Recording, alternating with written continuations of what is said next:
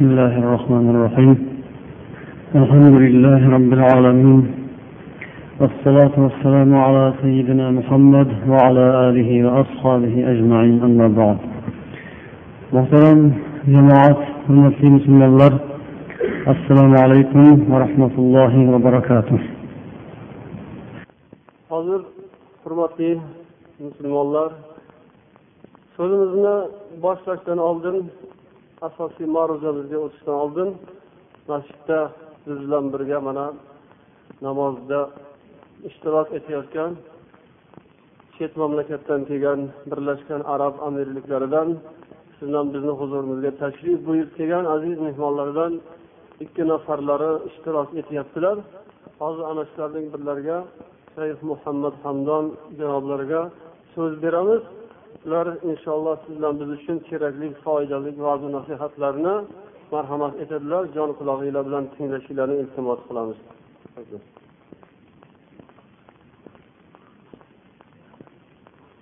السلام عليكم ورحمة الله وبركاته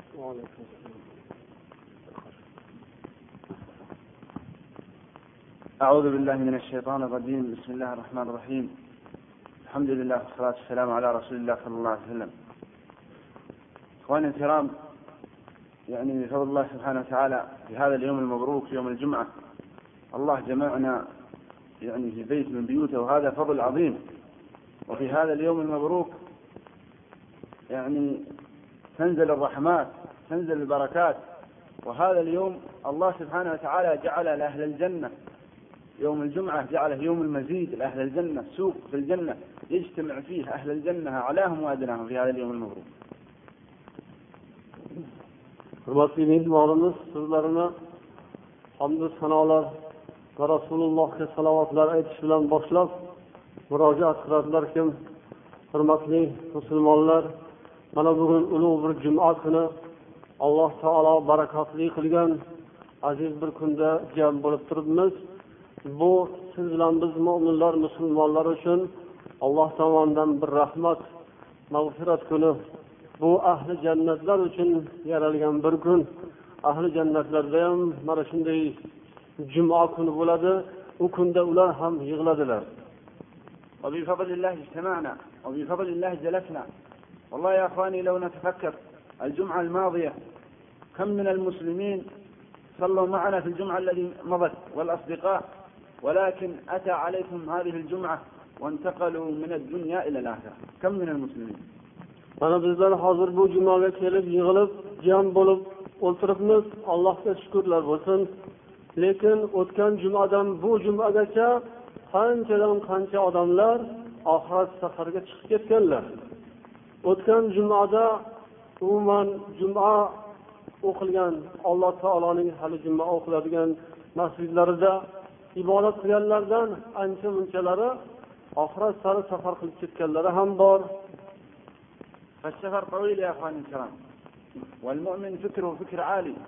ورد في بعض الروايات من جعل الهموم هما واحدا هم الآخرة. كفاه الله هم الدنيا والآخرة أو كما قال عليه الصلاة والسلام.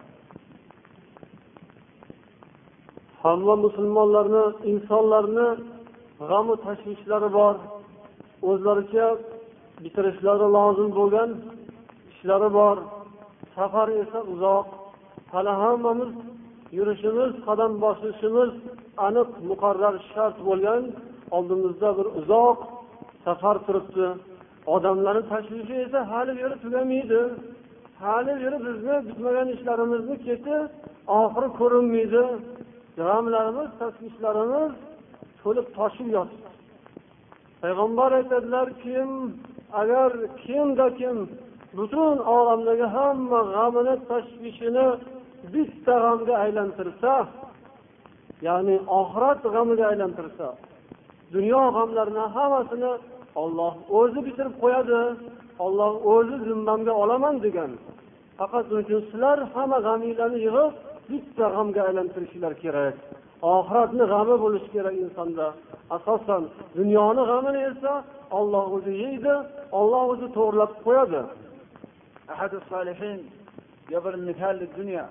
يقول مثال الدنيا مثال رجل يرعى الغنم في الصحراء وصحراء منبسطة ومن خلفه جبل وأثناء ما هو يرعى هذا الغنم هجم عليه أسد من ناحية الجبل فصار يدري في هذه الصحراء لا فيها شجرة يأوي إليها وإلى حجر يصعد عليه وهو يدري فبينما هو يدري قال الأسد يقترب منه وكل لحظة وثانية هو يقترب منه حتى وجد بئر بئر ماء. فقفز في هذا البئر ومسك بالحبل حتى وصل وسط البئر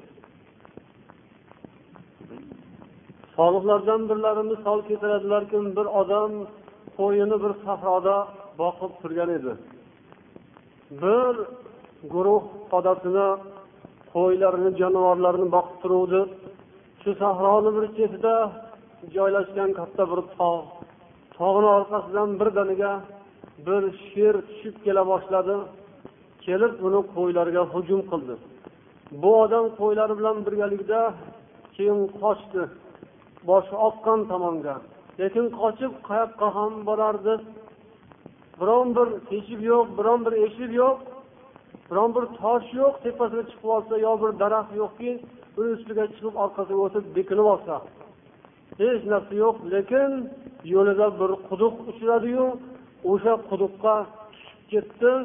o'rtasiga borganda bir ipga ilinib qoldi bir arqonga osilib ilinib qoldi فلما وصل في أسفل يعني في وسط البئر وهو ماسك بالحبل فالآن اطمأن قلبه قال أنا بعيد من الأسد ana shundagina qalbi biroz xotirjamon bo'ldi xudoga shukur mana man asad sherdan qutulib oldim xayriyat dedi osilib turibdi o'zi quduqni belida osilib turibdi lekin endi tepasidan haligi sher tusholmaydiku deb xotirjam bir pas bo'lsa ham qalbi xotirjam bo'ldi فنظر على شماله على يساره فإذا إناء بالعسل فصار يأكل من العسل بعد أن يطمئن قلبه صار يأكل من العسل ونسي الأسد shunda bunday bir chap tomoniga qarasa o'sha quduqni belida o'rtada osilib turgan joyida o'sha yerda bir asal arini uyasini ko'rib qoldiyu asal tomib turgan ekan bir qo'li bilan arqonga osilgan holda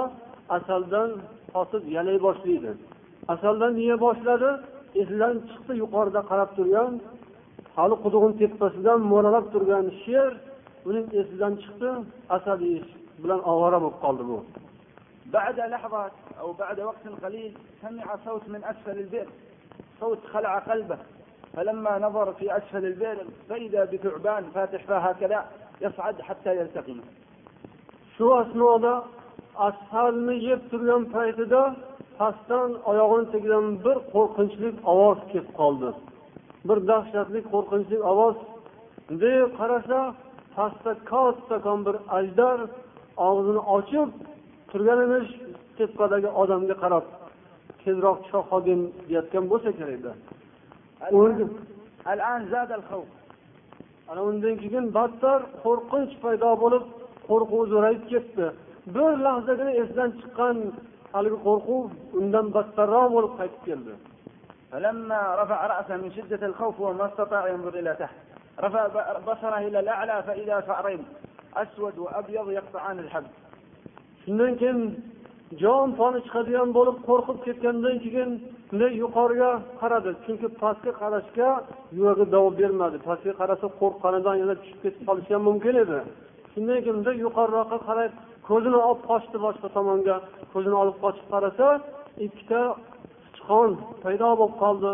Bir oq sichqon yana bir qora sichqon haligi bechora osilib turgan arqonni g'irtillatib chaynab kesishga kirishib ketibdilar. ومن تحت الثعبان في الوسط الفارين تقطع الحبل tepada bo'lsa sher nima qilishini bilmasdan og'zini ochib bo'kirib turibdi pastda bo'lsa katta bir ajdar u ham og'zini ochib turibdi tezroq kela qolsin deb yonida bo'lsa ikkita sichqon ular ham o'zini ishini qilyapti ular ham tirikchilik qilyapti ular ham arqonni qirqish bilan ovora bechora inson esa osilgancha turibdi nima qilishini bilmasdan فيقول هذا العالم رحمه الله يقول هذا مثال الدنيا أما الأسد فهو ملك الموت والإنسان يجري والأيام تجري معه فهو خلفه يطارده وأما هذا البئر المظلم فهي الدنيا البئر هذا هي الدنيا وأما الحبل فهو عمر الإنسان هذا الحبل هو عمر الإنسان وأما هذا العسل فهو لذة الدنيا بعد ما نزل في الدنيا قال خلاص هو نسي ملك الموت صار يتلذذ بالدنيا وأما هذا الصوت الذي أسفل البئر فهو القبر فاتح فمه ينتظر وأما الفار الأبيض والأسود فهما الليل والنهار يقطعان في عمر الإنسان وهو ما يشعر.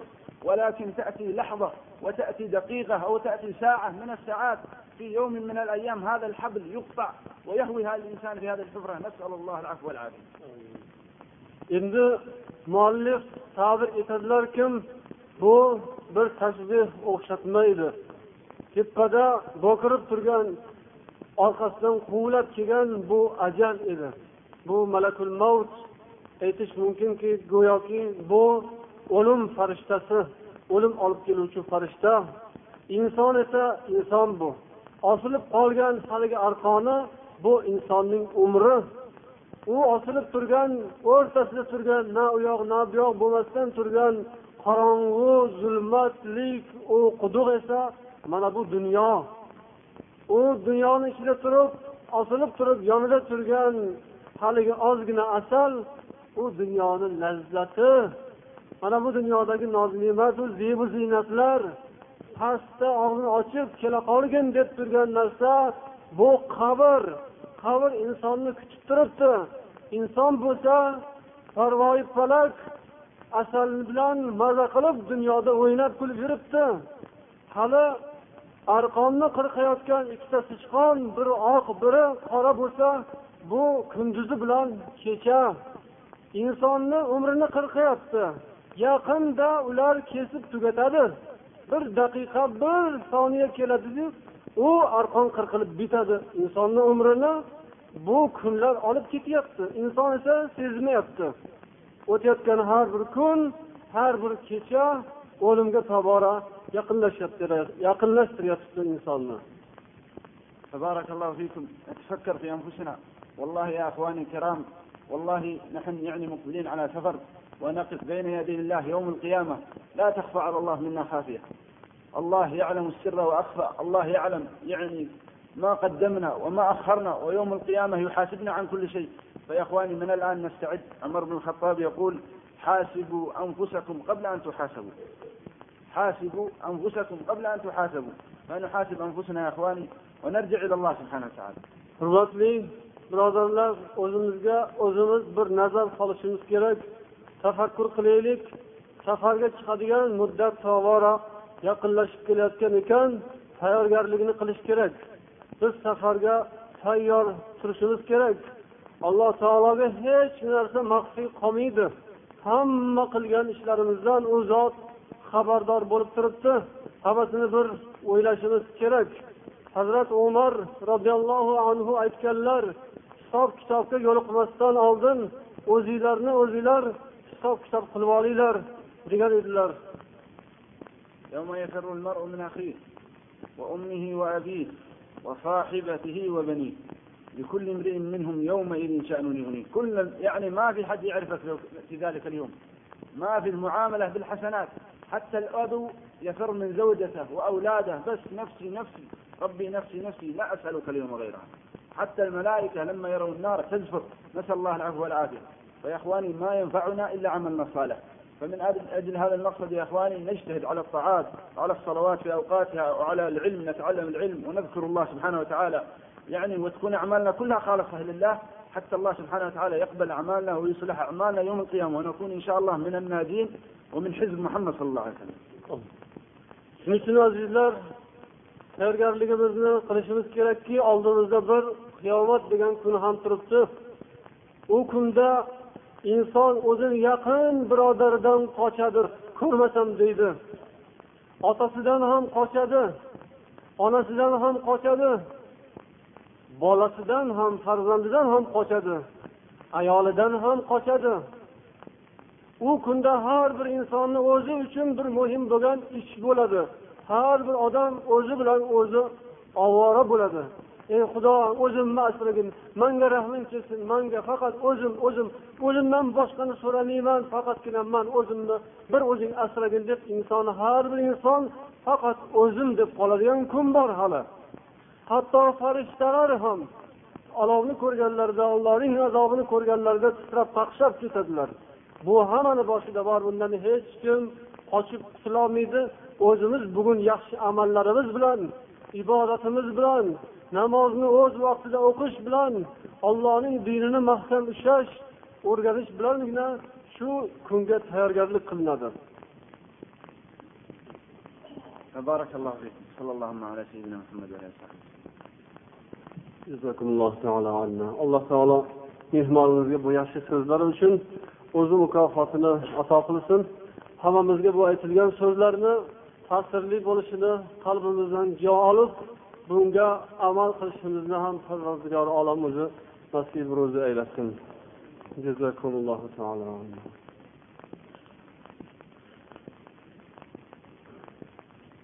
hurmatli ahli islom birodarlar endi esa janob alloh taolo hazratlarini bizga qur'oni karimda marhamat etgan oyatlarini tafsirlarida yana davom etamiz. Ma'lumlaringiz uchun biz kahf surasini tafsirini qilib iskandarni qissasiga kelib to'xtagan edik.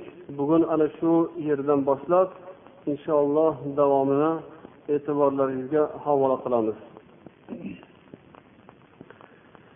Bu surani nozil bo'lishida rasululloh sollallohu alayhi vasallamdan makka mushriklari kelib savol so'raganlar ataylab payg'ambarni mot qilmoqchi bo'lib u kishiga bir necha savollarni berganlar shunga javob bo'lib bu sura nozil bo'lganini ilgari eslatib o'tgan edik. mushriklar so'ragan savollardan biri bu zulqarnayn haqidagi savol edi shuning uchun ham alloh taolo bu yerda mana shu voqeani ham o'zi hikoya qilib keltiradi أعوذ بالله من الشيطان الرجيم يس ويسألونك عن ذي القرنين ويسألونك عن ذي القرنين قل سأتلو عليكم منه ذكرا sizdan zulqarnayn haqida so'raydilar aytingki man sizlarga yaqindan ana shu yaqinda shu voqea haqida zikr qilib tilovat qilib o'qib beraman aytib beraman deb xabar bering deydi alloh taolo إنا مكنا له في الأرض وآتيناه من كل شيء سببا فأتبع سببا biz iskandarga yer yuzida hamma imkoniyatlardan unga nasiba bergan edik. Uni yerda saltanatga hukmga nasibador qilib unga har bir yo'llarni ochib qo'ygan edik.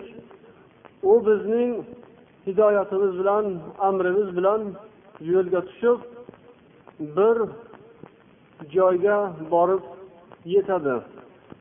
Alloh taolo bu yerda iskandar haqida so'z boshlar ekan. Mufassirlar bu iskandar degan kalima ko'p odamlarga tanish bo'lganligi uchun ularning hayollarida yana boshqacha fikr kelmasligi uchun bu tarixda yozilgan iskandar zulqarnayn degan odam emasligini ta'kidlaydilar. Tarixlarda iskandar zulqarnayn degan greklardan chiqqan bir uni ham katta qo'mondon juda bir olamgir odam deb ta'riflaydilar. Aleksandr makedonskiy degan nom bilan ham tarixlarda yozilgan lekin u butparast xudosiz odam bo'lganligini biz yaxshi eslab qur'oni karimda aytilgan iskandar bilan aralashtirib yubormasligimiz zarur bo'ladi.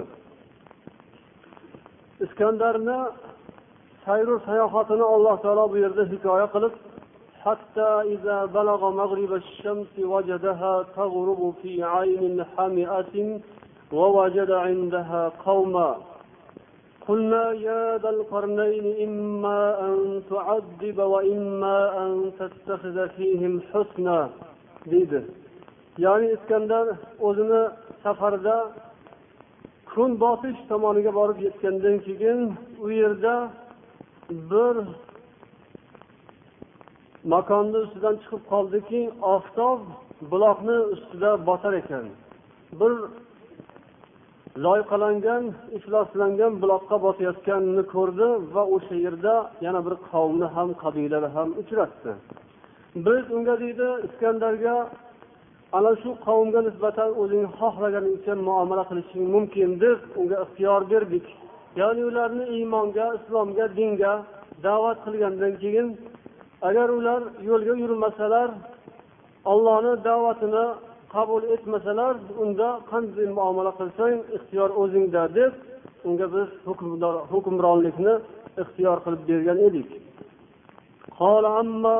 من ظلم فسوف نعذبه ثم يرد إلى ربه فيعذبه عذابا نكرا iskandar esa kimki o'ziga zulm qilsa haq yo'lga yurmasa buni biz azoblaymiz va keyin o'zining robbisi parvardigori huzuriga borganda ham alloh taolo uni azoblaydi qattiq azoblar bilan jazolaydi degan so'zni aytdi ya'ni bu hukmdor alloh taoloning hukmini ollohni qonunini yer yuzida joriy qilgan bir inson solih inson u haqiqat bilan adolat bilan ish ko'rgan odam agar bu haq yo'lga yurmaydiganlar bo'lsa ularga jazo berishni yaxshi ish qilganlarni esa mukofotini ham berishni o'zini so'zlarida aytgan ekan. فله جزاء الحسنى وسنقول له من أمرنا يسرا kimki iymon keltirsa yaxshi amal qilsa unga yaxshi mukofot bor va biz unga yaxshi yo'llarni osonliklarni ham ko'rsatamiz bundan keyingi oyatlarda iskandarni kun chiqish tomoniga borganini alloh taolo hikoya qiladi u yerda esa juda ham bir qaroq gap so'zni ham yaxshi anglamaydigan bir qavmni ustidan chiqib qoldi iskandar deydi. Va u yerdagi qavm bilan gaplashib o'sha yerda yashaydigan qabilalar iskandarga murojaat qilib unga bir yordam berishni undan yordam so'raydilar va aytadilarki ey iskandar mana shu tog'ni orqa tomonida yajuj majuj degan bir qabila bir maxluqlar bor. Ular yer yuzida fasod tarqatadigan odamlarga tinchlik bermaydigan bir maxluqlar. Shuning uchun senga biz o'zimizdan bir to'lov bersak haqni to'lasakda bizga shu yerdan bir to'siq qilib bersang o'rtamizga bizning kuchimiz yetmayapti deb undan iltimos qiladilar yaxshi odamligini bilganlaridan keyin.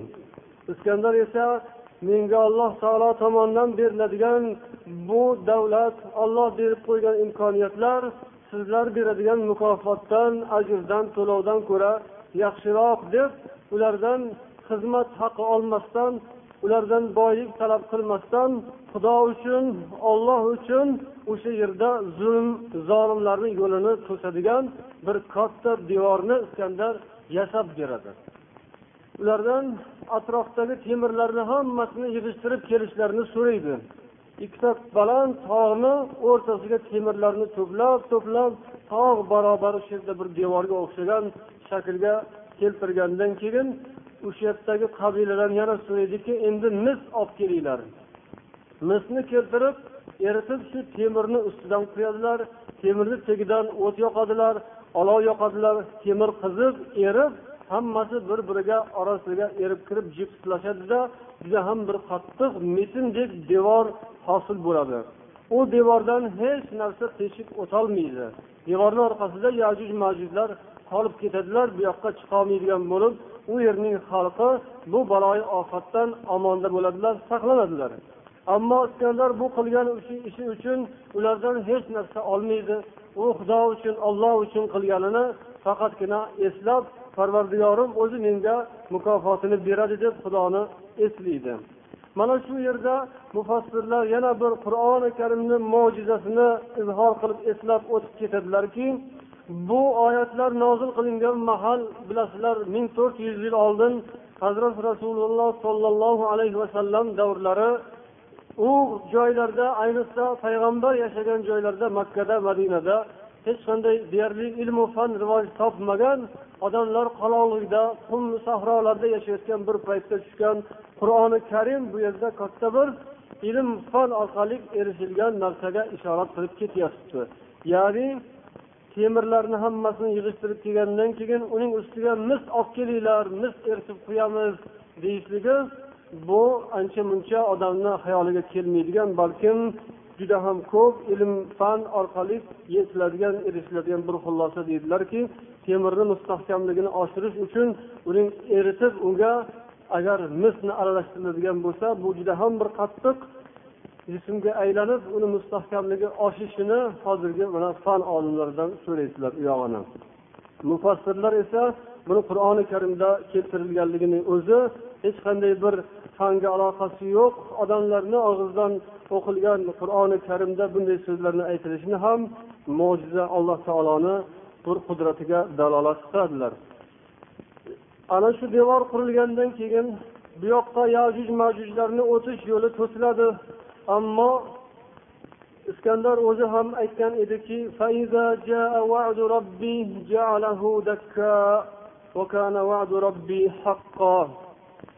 agar alloh taoloning va'dasi yetib kelsa bu men qurgan imoratni hammasini tep tekis qilib yo'q qiladi.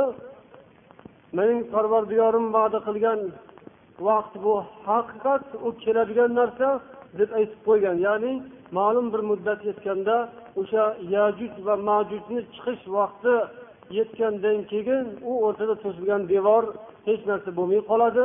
Uni xudo o'zi yo'q qilib qo'yadi. Ular osonlikcha o'sha yerdan chiqib keladilar qiladigan yomon ishlarni qiladilar. Yana ba'zi bir mufassirlarni gaplariga qaraganda bu yajuj majujlar kim degan savolga shunday javob beradilar. Bu ham bir mulohaza tariqasidaki bularni mana insoniyatga odamzodga juda ham boshiga ko'p kulfatlar keltirgan tarixda o'tgan ko'p bosqinchilar bo'lgan ana shu bosqinchilardan biri mo'g'ullarni istilosi mo'g'ul bosqinchilari ekanini sizlar yaxshi bilasizlar shular bo'lsa kerak deb tavil qilganlar ham bo'lganlar. Undan tashqari mana shu jumhuriyatimizni termiz degan shahrida termiz shahri yaqinida temir darvoza degan bir topilma qadimiy yodgorlik topilganini ham aytadilar. Bu haqda qadimgi kitoblarda eski kitoblarda ham qadimiy tarixchilarni kitoblarida ham ma'lumot berib o'tilganini aytadilar. Ba'zilar shu emasmikin o'sha iskandar ikkita tog'ni o'rtasiga qurib ketgan temir to'siq shu bo'lishi mumkin degan bir qandaydir mulohazani ham odamlar aytgan ekanlar. Va mana shu temir to'siqlar chingizxonni avlodidan bo'lgan chingizxonni nabirasi mo'g'ul bosqinchilaridan qolganlar ularni nabiralaridan biri shu yerlarni bosib olganligini mana shunga bog'lamoqchi ham bo'lganlar. Janob rasululloh sollallohu alayhi vasallam bir kun uyqularidan turib yuzlari qizarib ketgan holatda aftu angorlari biroz o'zgarganini ko'rganlaridan keyin ona mana bizni payg'ambar alayhissalotu vassalomni jufti halollaridan birlari yo rasululloh sizga nima bo'ldi? deb so'raydilar. zaynab binti jahsh onamiz shunda rasululloh aytgan ekanlar kim vaylun lil arab min sharrin qad yawm min radmi ya'juj va ma'juj misl deb qo'llarini bunday qilib ko'rsatdilar. Arablarga vayl bo'lsin ularni ahvoli og'irlashdi. Mana bugun yajuj majujni devoridan mana shunday bir halqa teshik ochildi. Yomonlik yaqinlashayapti bir balo ofat arablarga yaqinlashyapti degan so'zlarni aytgan ekanlar. Tarixchilar hikoya qiladilarki arab muluklari podshohlari hukmdorlarini oxirlarida abbosiylar xalifalarini tugatilishi ana shu chingizxonni nabiralarini qo'lida bo'lgan ekan. O'sha mo'g'ullardan tarqalgan kishilar arablarni xalifaligini oxirida bitirgan odamlar deb mana shu tarixiy voqealarni keltirib ehtimolki o'sha qur'oni karimda aytilgan yajuj majuj degan maxluqlar shular bo'lishi ham mumkinligini bular ehtimoldan xoli emas deydilar. Ammo yana hadislarga agar murojaat qiladigan bo'lsak hadislarda bu narsa qiyomat yaqinlashgan paytida bo'ladi degan xabarlarni aytilgan. Dajjol yajuj majuj va dobbatul arz degan maxluqlar hali chiqishini kutilayotgan shunday mulohazalar ham bor.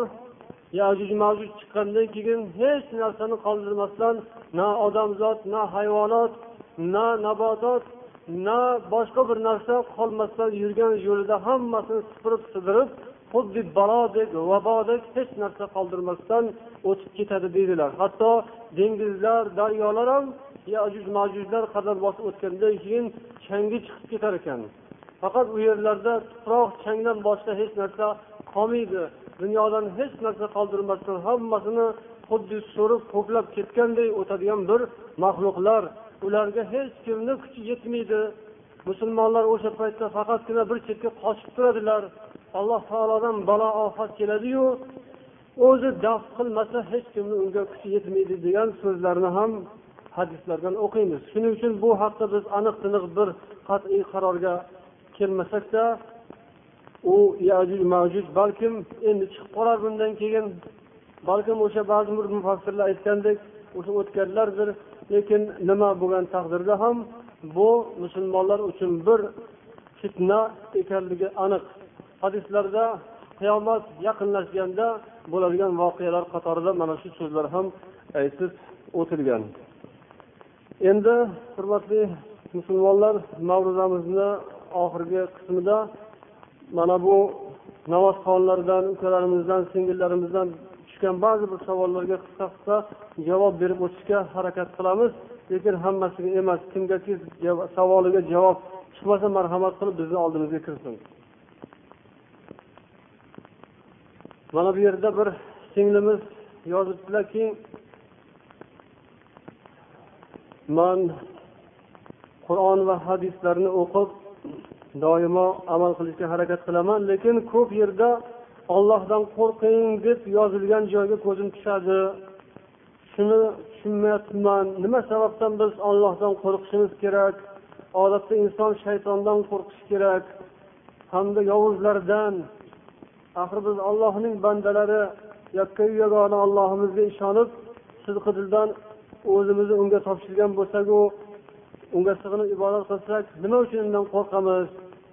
Meni fikrimcha ollohdan qo'rqinglar demagan bo'lsalar kerak degan so'zlarni yozibdilar. Endi yaxshi niyat bilan yozganlar bilib olish uchun lekin bu fikr xato fikr. Hamma ollohdan qo'rqish kerak. Ollohdan qo'rqmasdan odam odam bo'lmaydi. Buni nima ekanligini mana atrofimizga nazar solib bilishimiz mumkin. Ollohdan qo'rqmaganlar xudodan qo'rqmaganlarni qo'lidan nima ish kelgani balkim hali xalqni iborasi ham bejiz emas ekan xudodan bir xudodan qo'rqqandan qo'rq yana bir xudodan qo'rqmagandan qo'rq degan so'z bor. Xudodan qo'rqqandan qo'rq degani xudoni do'stiga agar san ozor bersang uni egasi olloh u seni jazoingni beradi degani. Musulmonlarga kim xalaqit bersa bularga ozor bersa musulmonlarni qo'lida hech qanday quroli yo'q. Hech qanday bularni himoya qiladigan deylik biron bir tashkiloti bo'lmay turibdi mana hozir. Hammasi bilganicha bularga o'qiniyu so'zini boshqa boshqa narsalarni yog'dirib turibdi malomatlarini. Faqat bularni xudosi bor duosi bor. Allohga bir duo qilinadi. Faqat xudodan yordam so'raladi.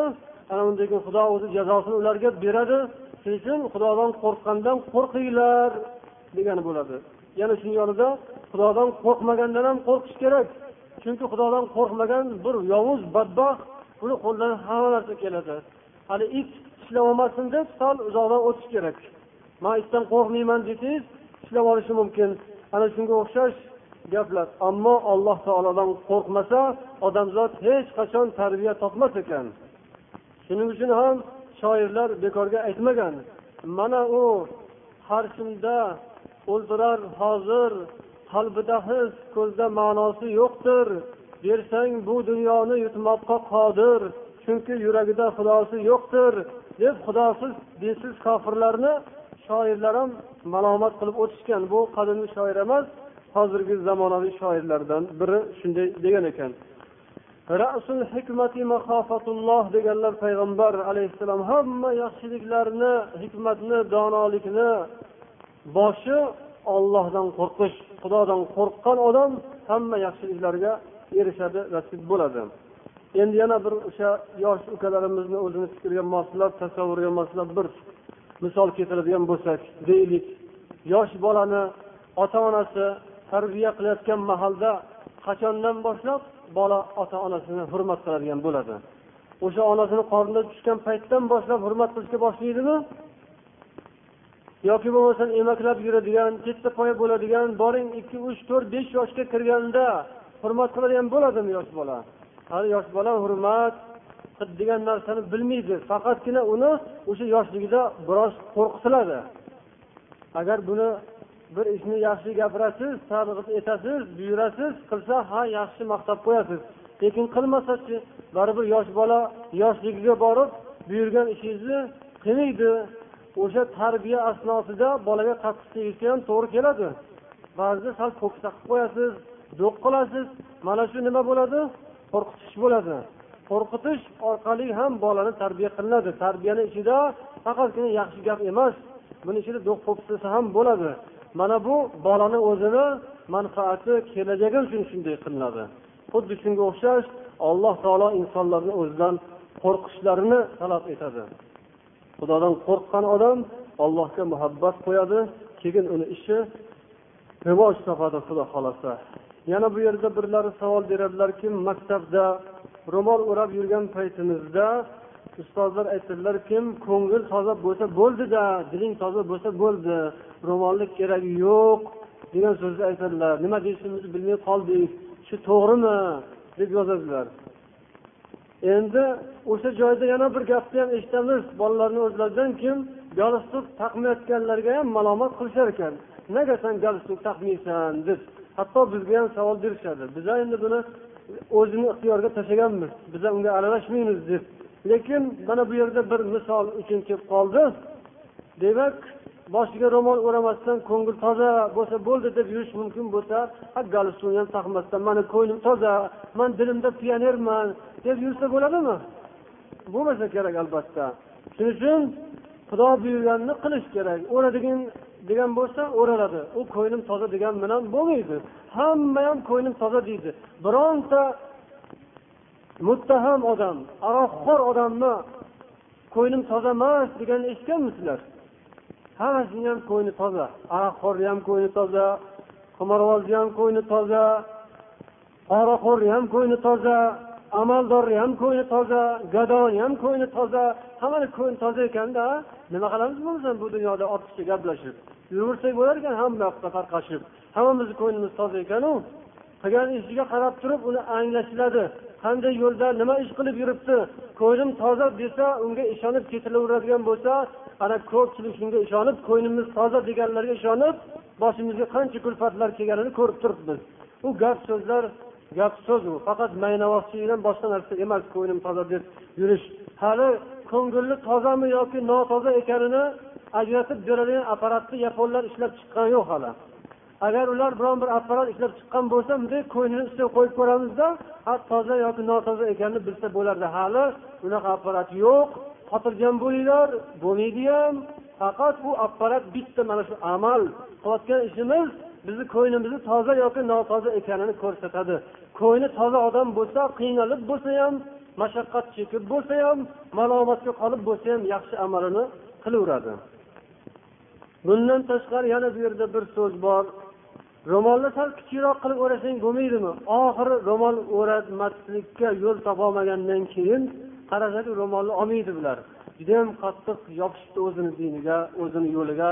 Endi boshqacha bir tomondan kelib boshqacha bir yo'l qilishyapti deganki ro'molni endi mayli ro'molga qarshi emasmizu lekin o'raganda bunaqangi qilmasdan bunday tepasiga shonasiga bog'lab olsa ham ro'mol o'ragan bo'ladida axir. Orqasidan boylasa bo'ynidan o'rab olish shartmi? deb ham yana ularga tinchlik bermasdan xarxasha qiladiganlari bor ekan. Ularga javob javobki ro'molni deylik bunaqasiga qilib o'rash mumkin bo'lsa ho'p mayli bo'lmasam galstukni ham olib bunaqa qo'ltig'idan boylab olsa bo'ladimi? Yoki bo'lmasam galstuk taqmadim emas taqdim deb mana bilakka boylab chiqinglarchi nima bo'larkin? Yo bo'lmasam beliga boylab olsin galstukni bo'ladimi? Bo'lmaydi hammasini o'zini qonuni bor qoidasi bor.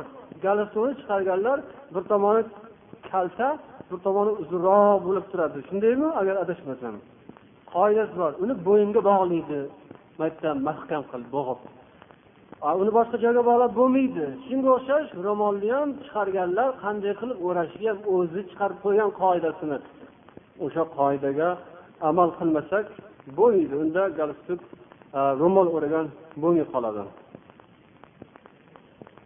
Endi jumaga borganlar gunohkor bo'lar ekan deb qo'rqyapmiz degan so'zlarni ham aytibdilar bu bema'ni gap. Jumaga borganlar savobga dohil bo'ladi ollohni aytganini qilgan bo'ladi. Jumadan qaytarganlar gunohkor bo'ladi ollohni oldida gunohi azimga qoladi. Jumani man o'ylab topgan emasman muftiy o'ylab topgan emas yoki bo'lmasa payg'ambar o'ylab topgan emas olloh buyurgan ollohning farzi ollohni aytganini qilmaganlarni jazosini xudo o'zi beradi. Kimki qarshilik qilsa shuning uchun bu xudoni farzini ado etishga harakat qilaylik. Qo'lidan kelganlar ular ham ertaga o'limni o'ylasa yaxshisi sharoit yaratib yordam berishga harakat qilsin.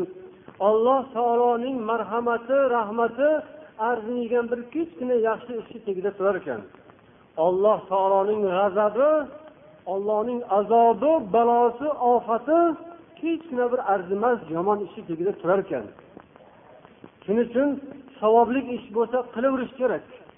Shuning uchun mana buncha savob ishni qildim man yetmish yil namoz o'qidim yoki boshqa qildim deb o'zini qilgan ibodatiga mag'rur bo'lsa yoki bo'lmasa man ham musulmonman deb musulmonligini o'ylab turib ha kel endi mana shu yerda endi sharoit sal tiqilinch bo'lib qoldi. O'qima desam hech narsa bo'lmas ekan. Bormagin o'qimagin deb ularga qarshilik qilgan bilan hech narsa bo'lmaydi deb xotirjam bo'lmasin. E, deylik rosa umri ibodatda o'tgan namoz o'qigan ro'zalar tutadi ehsonlar qiladi sadaqalar beradi pullardan tarqatib turadi. Shunaqa yaxshi ishni qilib qilib qilib turib oxirida xudo uni sinamoq uchun bugungi sharoitni yaratib qo'ygan bo'lsayu hech narsa qilmaydi. Qo'y bormagin desa olloh ehtimol o'sha bormagin degan so'zini ushlab turib bu bechorani boshiga bir baloni yog'dirsa hech gap emas. Alloh taolo o'sha ikki og'iz nohaq so'zni aytgani uchun ey bandam o'qigan namozlaring hammasi bir faqr bir chaqa ol olib bor qayoqqa olib borsan olib bor olib bor kim qabul qilsa qilib olsin sendan bu namozlaringni o'qigan ro'zalaringni bergan pullaringni. Ertaga yana bir birimizga ko'zimiz tushganda uyalib qolmaylik. Bugungi kundagi mana bu o'tirgan qorako'zlar ertaga katta odamlar bo'ladi. Bugun katta bo'lib olib turib yoshlarga yoki musulmonlarga yo'l bermayotganlar ertaga kichkina odam bo'lib qoladi. Ertaga mansabdan tushadi. Ertaga bu vazifalardan ozod bo'ladi xudo xohlasa. Yaqinda oz qoldi buyog'i ham. Endi rahmat shuncha ishladingiz. Mana o'ttiz so'm olingda shuni yeb yotavering bizni ishimizga aralashmang deb pensiyaga chiqarib qo'yadilar.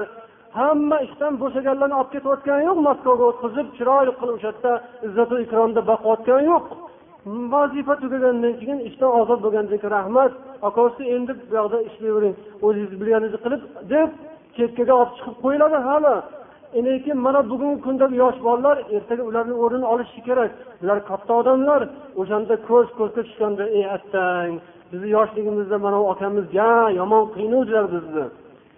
O'g'irlik qilganimiz uchun emas o'g'irlikka qarshi chiqqanlarda mayli edi buzuqlik uchun orqasidan quvlab borganlarda mayli edi video barlarga quvlab borsalar ham mayli edi kinoxonadan urib urib olib kelganlarda ham xafa bo'lmasdik. Ammo masjidga quvlab boruvdilar bu kishi bizni.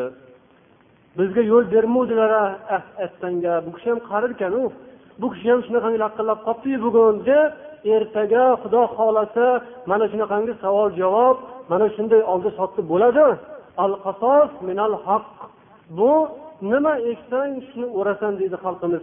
Yaxshisi qo'limizda imkon bor ekan oyog'imiz tegsa yer bor ekan. Yaxshi narsa ekaylik yaxshi urug' ekaylik ertaga xudo xohlasa mevasini olib maza qilamiz qarigan chog'imizda o'lganimizda qiyomatda turganimizda yaxshilik bo'ladi alloh hammamizga insof bersin o'zi hidoyatiga yaxshi yo'liga boshlasin hammamiz birgalashib duo qilamiz allohumma ya muqallibal qulubi ثبت قلوبنا على دينك اللهم آتنا كل خير وأعذنا من كل شر اللهم انصرنا على من عادانا. اللهم انصر من نصر الدين واخذل من خذل الدين. برحمتك وقدرتك يا أرحم الراحمين.